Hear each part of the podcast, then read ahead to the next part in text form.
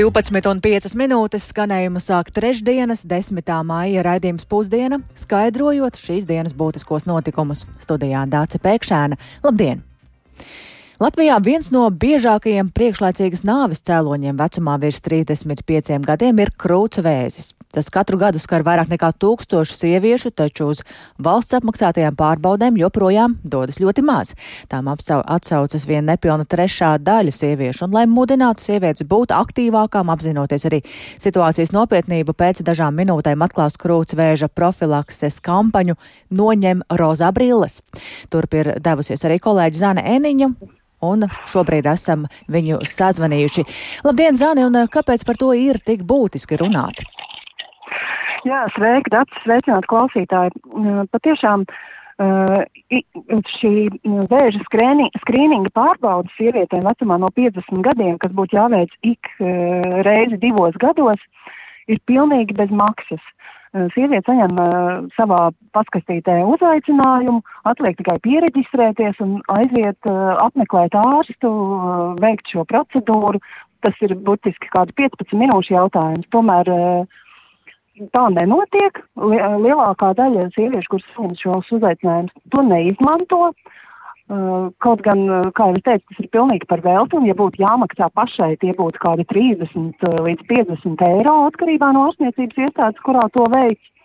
Un Stradiņa universitātē ir veikts pētījums par iemesliem, kāpēc sievietes ir tik pasīvas.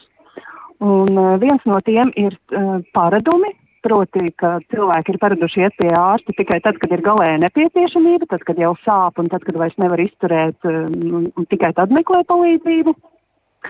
Tad uh, vēl viens iemesls ir tas, ka uh, nu, ir paradums uh, saņemt atgādinājumu no ārsta. Uh, tieši sev domātu atgādinājumu, pamudinājumu, vai tu pārbaudījies, vai tu esi apmeklējusi ārstu vai veici mamogrāfiju. Un, vēl, un trešais, tās lielākais iemesls ir bailes uzzināt diagnozi. Un arī tāda fatalitāte, ka nu, kā būs, tā būs. Nu, ja liktenis būs lēmis, tad mēs jau visi esam mirstīgi. Un, tā. un šis pētījums varētu palīdzēt veselības ministrijai, nu, kas organizē mamogrāfijas skrīningu un Nacionālajiem veselības dienestam, varbūt kaut ko mainīt šajā taktikā, kā uzrunāt sievietes, kā pa panākt lielāku skrīningu aptveri. Dace? Bet kā panākt to, lai tomēr nāktu šīs sievietes? Ir tāds, tāda saprašana par to? Nu, tā kā mamogrāfijas skrīnings Latvijā tiek veikts jau kopš 2009. gada, un tie rezultāti ir nemainīgi slikti, tad arī tas jau īstenībā nav nekāds jaunums, un šīs idejas, kā varētu vēl vēl individuālāk uzrunāti pacienti jau ir izskanējušas arī agrāk. Tā patiešām varētu būt šī atgādinājuma vēstule. Ka ginekologs vai ģimenes ārsts varētu apjautāties sievietei, kur sasniegusi attiecīgo vecumu, tātad 50 gadus, vai tu biji, vai tu saņēmi vēstuli, vai tu apmeklēji. Un arī um, nu, jāatgādina, ka ja šī vēstule kaut kur ir noklīdusi, tad ģimenes ārstam ir iespēja to atkārtot, izdrukāt un iedot uh, pacientei. Tātad eh, visa vaina galvenā ir komunikācijā. That's it. Paldies Zanai Eniņai par šo skaidrojumu un eh, varbūt cerēsim, ka šī komunikācija mainīsies un tas tiešām liks eh, vairāk sievietēm ieklausīties. Mēs turpinām ar kādu citu tematu, proti publiskā ēdināšanā. Arvien mazāk nonākot vietējā produkcija un tas būtu jāmaina. Tieši tāpēc šobrīd Siguldā Laurenču sākuma skolā notiek šīs jomas ekspertu diskusija, iesaistot arī pašvaldības un ministrijas. Iesaistīties priež, kā situāciju mainīt izglītības iestādēs, jo jo tā sauktie zaļie iepirkumi labi darbojoties uz papīra, bet retāk dzīvē. Un proti, skolāna ēdināšanai ir iespējami vairāk um, būtu jāizmanto vietējie produkti, bet nevienmēr tas notiek. To šorīt kolēģei Dārai Zīlē uzsvēra arī Latvijas lauku konsultāciju un izglītības centra valdes priekšsēdētājs Mārtiņš Cimermanis. Galvenās lietas, ko mēs jūtam, ir pašvaldība attālināšanās kaut kādā veidā no tās likumdošanas. Mēs izstrādājam ļoti daudz normatīvos aktus, gan kas jādēļ, gan kādas kalorijas, gan cenu. Tas viss notiek Rīgā ministrijās, un tad tās pašvaldības to mēģina realizēt. Un plus vēl jāsadzīvo ar pārtikas cenu kāpumiem. Būs ar papīriem viss ir kārtībā, bet tā realitāte ir pilnīgi savādāka. Kā izdarīt to, lai mūsu zemnieku audzētājs nonāktu skolā, tā ķēde pa vidu ir radīta jau nu tik gara un sarežģīta, ka tur pats vēlams kaklu var nolauzt. Tas ir pat skaidri piemēri. Jā. Doma arī skatīties Somijas Krievijas virzienā, kā viņi to darīja jau desmitiem gadu. Tas uh, galvenais aplis, kas ir iegūts, ja bērns bērnībā pierod pie savas vietējās izaudzētā, viņš ir izaudzis liels pirks vietējo pārtiku, baros savus bērnus un tā pašā laikā atbalstīs vietējos zemniekus, jo, kā mēs esam izanalizējuši, piemēram, divu importu produktu aizstāšana ar vietēju izaudzēto var radīt Latvijā līdz pat 20 tūkstošu jaunām darba vietām. Tas ir milzīgs apjoms, ko mēs pašlaik zaudējam no apmēram 3 miljardiem eiro gadā, ko Latvijā patērējam pārtikā nu, tikai ap 30-40% ir vietējās izcelsmes. Nu, tas jau ir teiktu, pat valsts drošības jautājums, ka mēs esam liela pārtiks ražotāja valsts, tā pašā laikā iekšienē mēs ļaujam ievest ārkārtīgi daudz importu preces. Risinājums būtu sakārtot un atvieglot likumdošanu atvieglot pašvaldībām to ceļu, kā nonākt līdz Latvijas zemnieku izaudzēšanai. Ir vajadzīgi jaudīgi kooperatīvi, ir vajadzīgi tārzeņi, ir vajadzīga pilnīgi cita produkcija, varbūt, ko mēs esam pieraduši tirgot pasaules tirgos, gan piens, gan graudi. Mums ir vajadzīga cita veida kooperācija. Likumdošana ir. Mums tagad ir jādomā, kā atbalstīt tos zemniekus, kas var izaudzēt. Pašvaldībām savukārt pretī nolikt iepirkuma sistēmas tādas, ka zemniekiem ir saprotams arī ilgtermiņā, nodalīt, kas ir Latvijā izaudzējumie produkti un ka mūsu kartupeļi nevis kopā ar banāniem, lai tā pakā var iestartēt iepirkumā. Un, un, protams, digitalizācija, kā to izsekojamību no lauka līdz galdam panākt, lai pēc iespējas vieglāk, mazāka birokrātija, nu, kas ir sapnis, protams, bet viņš ir diezgan reāls kļuvis, ka to var izdarīt. Tā Latvijas lauku konsultāciju un izglītības centra valdes priekšsēdētājs Mārtiņš Cimermanis par vietējo produkciju publiskajā ēdināšanā un kas ir darāms, lai mēs ēstu veselīgāk. Bet tikpat svarīga ir arī mūsu finanšu veselība. Kā uzlabot finanšu pratību un līdz ar to arī labklājību par to pēc pāris stundām spriedīs eksperti Latvijas bankas diskusijā. Finanšu pratības indeks septiņus gadus ir nemainīgs un esam ieguvuši 60% no maksimālā iespējamā rezultāta. Tām šorīt kolēģim Kristapam Feldmanim programmā Labrīt sacīja Latvijas bankas finanšu pratības daļas vadītāja Aija Brikša. Paklausīsimies viņas komentāru. Tas nozīmē, ka esam kaut kur nedaudz tālāk par vidus punktu tikuši savā finanšu pratībā. Bet tas jautājums, kāpēc nevirzamies tālāk un straujāk uz priekšu, kas noteikti ir viens no izaicinājumiem. Tāpat šie rezultāti rāda, ka ir uzlabojusies iedzīvotāju attieksme. Tā noteikti ir laba ziņa par tādu ilgtermiņa dzīves plānošanu, bet tāpat laikā ir pasliktinājušās zināšanas par tādām pamat finanšu konceptiem. Bet tā kopumā vērtējot šo pratību sabiedrībā, tai var veltīt arī labus vārdus. Jā, noteikti iedzīvotāji daudz vairāk ir uzkrājuši, daudz retāk nonāk finanšu grūtībās. Noteikti atbildīga aizņemšanās un vispār tāda aizņemšanās un parāda atdošanas pārdumi sabiedrībā ir ļoti, ļoti pozitīvi mainījušies. Ja kādreiz šī bija top tēma, par kuru mēs varējām runāt kā problēmu, tad šobrīd tā vairs to nevaram skatīties. Tā kā šis noteikti ir uzlabojies un kopumā ir gana daudz arī labas ziņas par uzkrājumiem. Noteikti jāpiestrādā vēl pie tādas ilgtermiņa finanšu plānošanas, pensijas uzkrājuma ieguldījumu veikšanas, kas ir joprojām tāds sāpīgākais punkts šajā visā pētījumā atklājies. Vai nav tā, ka daudziem gluži vienkārši nepietiek līdzekļu, un lai cik viņi būtu prātīgi, viņiem nav ar ko izdzīvot? Jā, protams, ir objektīvi viena sabiedrības grupa, kurai vienkārši nu, šie finanšu līdzekļi ir tik mazi, ka tur objektīvi iemeslu pēc kaut kādas lietas nav iespējams veikt, bet uh, mēs nerunājam par lielāko sabiedrības daļu viennozīmīgi. Tieši šī finanšu plānošana, prioritātes ir īpaši svarīgi tie, kuriem ir teiksim, vidēji ienākumi vai nedaudz zemāki ienākumi. Tur noteikti ir iespēja, ko var darīt labāk. Noteikti katrs pats atsevišķi, un tas bieži vien ir pat tieši tādu ikdienas finanšu plānošanu un prioritātēm, kā mēs savus finanšu līdzekļus veltam un iztērējam. Ir arī pierādīts, ka ir viena sabiedrības grupa, kurai lielāks naudas daudzums kopumā šo situāciju joprojām nemainīs. Tik tālu Latvijas Bankas finanšu pratības daļas vadītāja Aija Brikše. Francijas parlaments aicina Eiropas Savienību pasludināt Krievijas algotņu grupējumu Wagner par teroristisku organizāciju. Arī Lielbritānija apsver iespēju iekļaut Wagner savā teroristisko organizāciju sarakstā. Un Wagner ir iesaistīts Krievijas karā Ukrainā, bet tā kaujinieki ir apsūdzēti arī nāvējošās zvērībās vairākās Āfrikas valstīs. Plašāk par to Hulda Ķezbera ierakstā.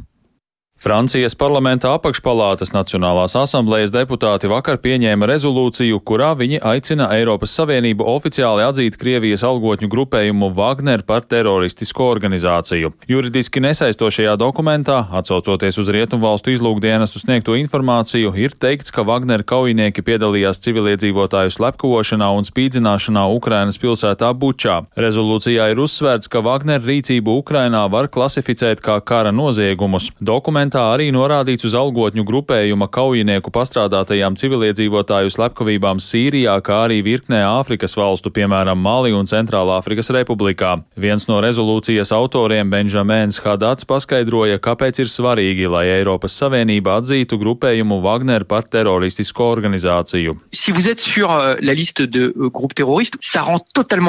ja tu atrodies teroristisko grupējumu sarakstā, tad ar tevi ir neiespējami sadarboties gan uzņēmumiem, gan bankām. Ikvienu personu, kura pievienosies Wagner un piedalīsies tās operācijās, varēs uzskatīt par teroristu. Mēs zinām, ka pašlaik Wagner rindās karo nedaudz vairāk kā 50 tūkstoši cilvēku Ukrainā un citur, bet tikai aptuveni desmit no viņiem ir pakļauti Eiropas Savienības sankcijām. Mūsu mērķis ir stiprināt Eiropas rīcībā esošos instrumentus, lai padarītu Wagner un tās sabiedroto dzīvi neciešamu. Wagner ir cīnījies pret Franciju, tas ir iesaistījies dezinformācijas un manipulācijas operācijās, kas ir vērstas pret Francijas klātbūtni Āfrikā. Mūsu aizsardzības ministrs Sebastians Lekornu pats ir teicis, ka Wagner ir padarījis Franciju par savu ienaidnieku numur viens. Tāpēc ir svarīgi, lai mēs uzņemtos šo cīņu. Es uzskatu, ka ir būtiski to aktualizēt visas Eiropas līmenī, un, protams, tā ir daļa no Francijas globālā morālā atbalsta Ukrainai, ko mēs jau esam apliecinājuši ar sankcijām, bruņojuma piegādēm un prezidenta diplomātiskajiem centieniem diplomatiques du président de la République. Francijas parlamenta balsojumu atzinīgi novērtēja Ukrainas prezidents Volodimirs Zelenskis. Īpaša pateicība Francijas parlamentam par tā lēmumu atzīt Krievijas pseido privāto grupējumu Wagner par teroristu organizāciju. Līdzīgi būtu jārīkojas visai pasaulē. Katra terorisma izpausme ir jāiznīcina, bet katrs terorists ir jānosoda. Прояв тероризму має бути знищений, а кожен терорист засуджений. Lietuvas Seims 23. martā kļuva par pirmo kādas Eiropas valsts parlamentu, kas grupējumu Wagner pasludināja par teroristisko organizāciju. Aprīlī Eiropas Savienība noteica sankcijas pret Wagner vadītājiem par aktīvu dalību Krievijas militārajā agresijā pret Ukrainu. Izdevums The Times vēsta, ka arī Lielbritānija tuvākajās nedēļās ievietos Wagner teroristisko grupējumu sarakstā. Ja tas notiks, tad Lielbritānijā krimināla atbildība draudēs personām, kuras ir jebkādā veidā saistītas ar Wagner vai publiski demonstrē tā simboliku vai kā citādi to atbalsta. Turklāt pret Wagner ieviesīs sankcijas, kas apgrūtinās grupējuma iespējas piesaistīt līdzekļus ar Lielbritānijas banku starpniecību. Wagner 2014. gadā izveidoja Kremlim pietuvinātais oligarhs Jevgēņijs Prigožins. Grupējuma kaujinieki ir piedalījušies kara darbībā Ukrainas austrumos un Sīrijā, kā arī Lībijā un citās Āfrikas valstīs. Daudzi eksperti Wagner uzskata par Krievijas ekonomiskās un militārās ietekmes instrumentu Āfrikā. Uldis Česberis, Latvijas radio. Un eh, te ir jāpiebilst, ka to vai arī Latvijas politiķiem nebūtu jāspēr līdzīga soļa attiecībā uz Wagneru, un eh, vai tas tiek apsvērts, to turpināsim skaidrot raidījumā pēcpusdiena.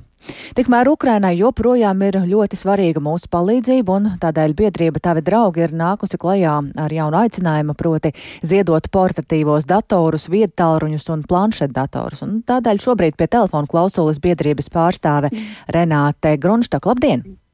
Labdien!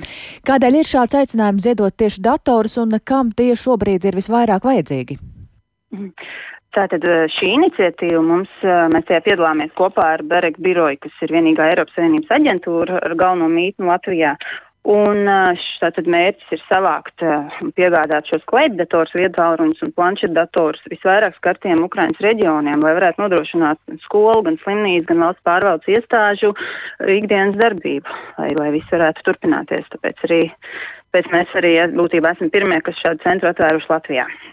Kur var šos datorus nest un vai var ziedot tikai jaunus vai dara arī lietoti?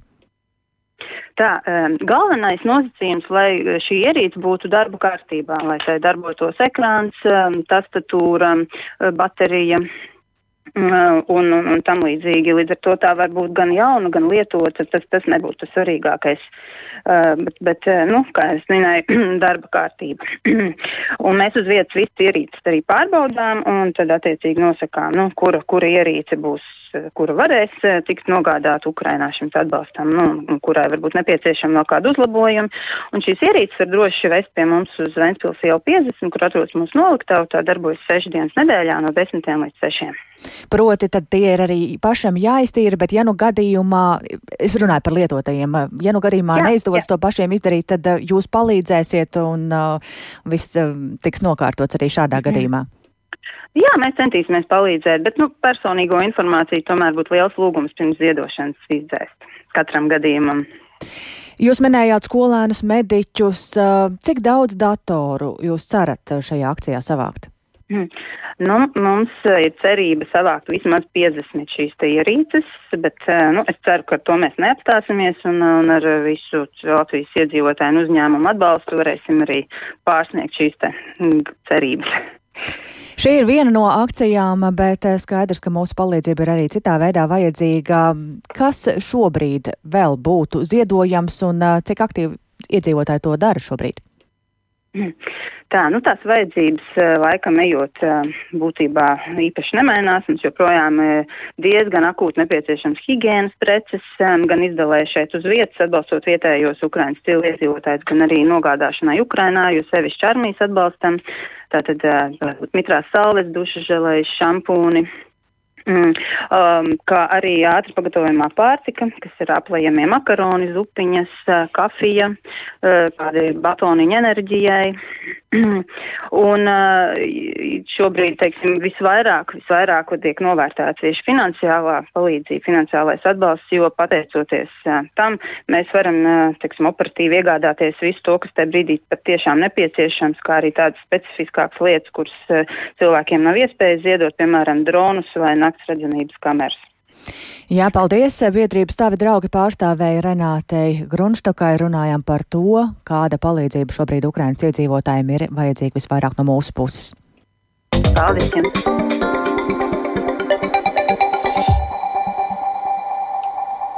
Un tuvojas peldsezona, ko oficiāli atklāja 15. maijā, taču tas nenozīmē, ka ūdens ir pietiekami silts, lai varētu doties peldēt. Tā saka viens no biedrības peldēt droši vēstnešiem un Liepājas Olimpiskā centra baseina vadītājs Toms Jēkabsons. Peldēt prasmes ir ļoti būtiskas, tāpēc arī Liepājā šogad tika rīkotas nodarbības baseinā kā nenoslīgt, un izrādās, ka cilvēki, kuri apgalvo, ka prot peldēt, nevienmēr spēja izpildīt šķietami elementārus vingrinājumus uz ūdens, kas savukārt spētu pasargāt ārkārtas situācijās. Plašāk par to visu Ingas Ozols ierakstā. Viens no pamata elementiem visā peldēšanā ir pasīvā peldēšana, un uh, izmēģināsim zvaigznīt uz krūtīm.